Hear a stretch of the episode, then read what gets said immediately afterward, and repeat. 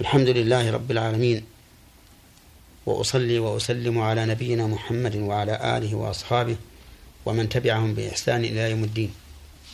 أما بعد أيها المستمعون الكرام فهذه الحلقة الثانية عشرة بعد المئة من حلقات أحكام القرآن الكريم وفوائده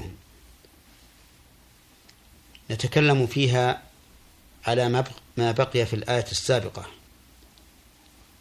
وهو قوله تعالى إنك أنت العزيز الحكيم. ففي هذا إثبات هذين الاسمين الكريمين من أسماء الله وهما العزيز الحكيم.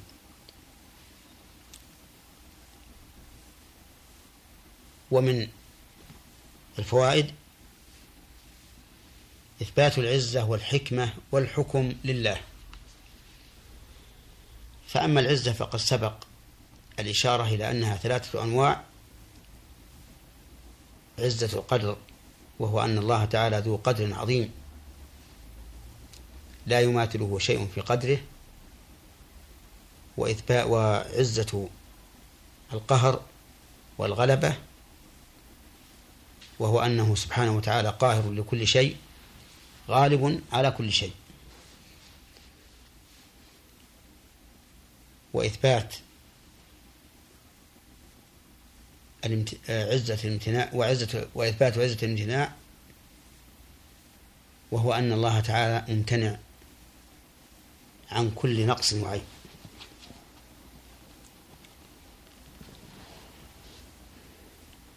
قال الله تبارك وتعالى ولله العزة ولرسوله وللمؤمنين.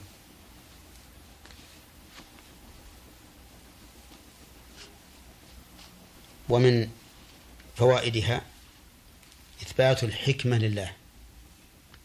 والحكمة هي وضع الشيء في موضعه اللائق به. ثم هي أي الحكمة نوعان. حكمة في جعل الشيء على صفة معينة وحكمة في الغاية من هذا الشيء.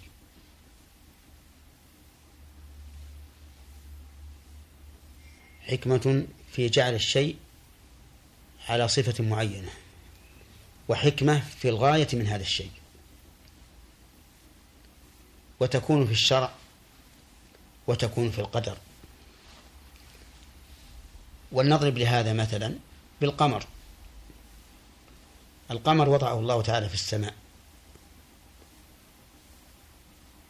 وجعله مقدرا بمنازل. وهذا التقدير يختلف به حجم القمر أو الحجم المضيء من القمر. فكونه على هذه الصفة المعينة يزداد حجم المضيء فيه. رويدا رويدا حتى ينتهي ثم يعود في النقص. هذه حكمة لا شك. لأن الإنسان بمجرد ما ينظر إليه فيجد ضوءه ناقصا يعرف أنه في الربع الأول في, في الربع الأول من من الشهر مثلا.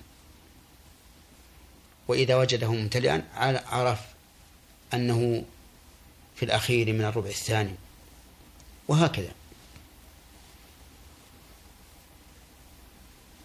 ثم إن الغاية منه هو أن نعرف عدد السنين والحساب. فكان هذا غاية, غاية فكان هذا حكمة في كون القمر على صفة معينة وفي الغاية من تقديره منازل لنعلم بذلك عدد السنين والحساب. كذلك أيضا في الصلاة وهي شرعية نجد أن كونها على هذه الصفة المعينة في غاية الحكمة قيام لله عز وجل وتقرب إليه بتلاوة كتابه ومناجاته به ثم ركوع يفيد قوة التعظيم لله عز وجل ثم قيام بعده حتى يخر الإنسان ساجد ساجدا لله عز وجل من أعلى انتصاب له إلى أسفل انخفاض له حيث يضع أعلى ما في بدنه وأشرف ما في بدنه وهو الوجه على الأرض التي هي موطئ الأقدام وأسفل ما يكون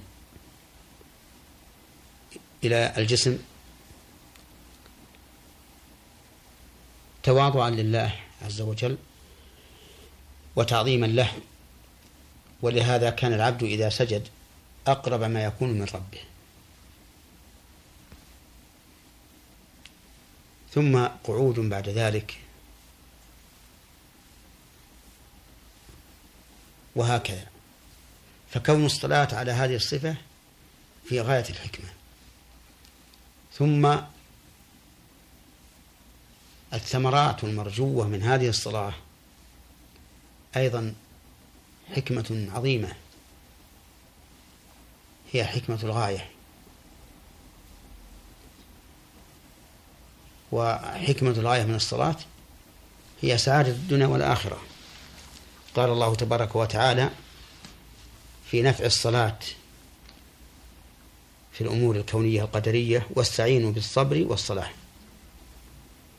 وفي نفع الصلاة في الأمور الشرعية إن الصلاة تنهى عن الفحشاء والمنكر. فأنت ترى أن حكمة الله عز وجل كائنة في الأمور في صفتها التي هي عليه ثم في الغاية منها ومن فوائد هذه الآية الكريمة إثبات الحكم لله وأن الحكم لله وحده. أما كونا فإنه لا مشارك له في حكمه ولا يمكن أحد أن يشارك يشارك الله في حكمه. فلا يمكن لأحد أن أن يمنع الموت إذا حضر. ولا يمكن أحدا أن يخلق شيئا مهما ضعف. يقول الله عز وجل يا أيها الناس ضرب مثل فاستمعوا له. إن الذين تدعون من دون الله لن يخلقوا ذبابا ولو اجتمعوا له. وإن يسلبهم الذباب شيئا لا يستنقذوه منه. ضعف الطالب والمطلوب. فحكم الله الكوني لا يمكن لأحد مخالفته ولا مضادته ولا معارضته. ولهذا نجد أن الفيضانات العظيمة والعواصف المدمرة والصواعق المحرقة تنزل على أعظم دولة وأقواها صناعة واقتصادا وسلاحا وتدمر ما شاء الله أن تدمره. ولا يملكون ردها. أما الحكم الشرعي فالحكم الشرعي قد يغير وقد يبدل لكن تغييره وتبديله اعتداء على حكم الله عز وجل يلقى جزاءه من بدل أو غير. ولكن مع ذلك لو بدل أو غير فإنه باقي. ولا سيما شريعة الإسلام التي بعث بها محمد صلى الله عليه وآله وسلم لأنها مكتوب لها البقاء إلى يوم القيامة. ولهذا يحاول المبطلون المعتدون الملحدون أن ينالوا من هذه الشريعة ولكن يقيض الله لها لها من يكبح جماحهم ويرد عدوانهم إذن الحكيم من الحكم ومن الحكمة. والحكمة حكمة الشيء على الوصف الذي هو عليه وحكمة الشيء في الغاية والثمرة المرجوة منه. والحكم كوني وقدري. وعلى هذا فيكون الحكم الكوني له حكمتان حكمة وصف وحكمة غاية والحكم الشرعي له حكمتان حكمة وصف وحكمة غاية. ومن فوائد هذه الآية الكريمة الفائدة المسلكية العظيمة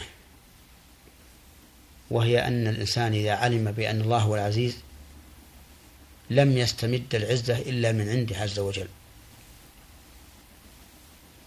والعزة المستمدة من من عند الله تكون بأمرين بالاستقامة على دينه وبدعائه وسؤاله العزة.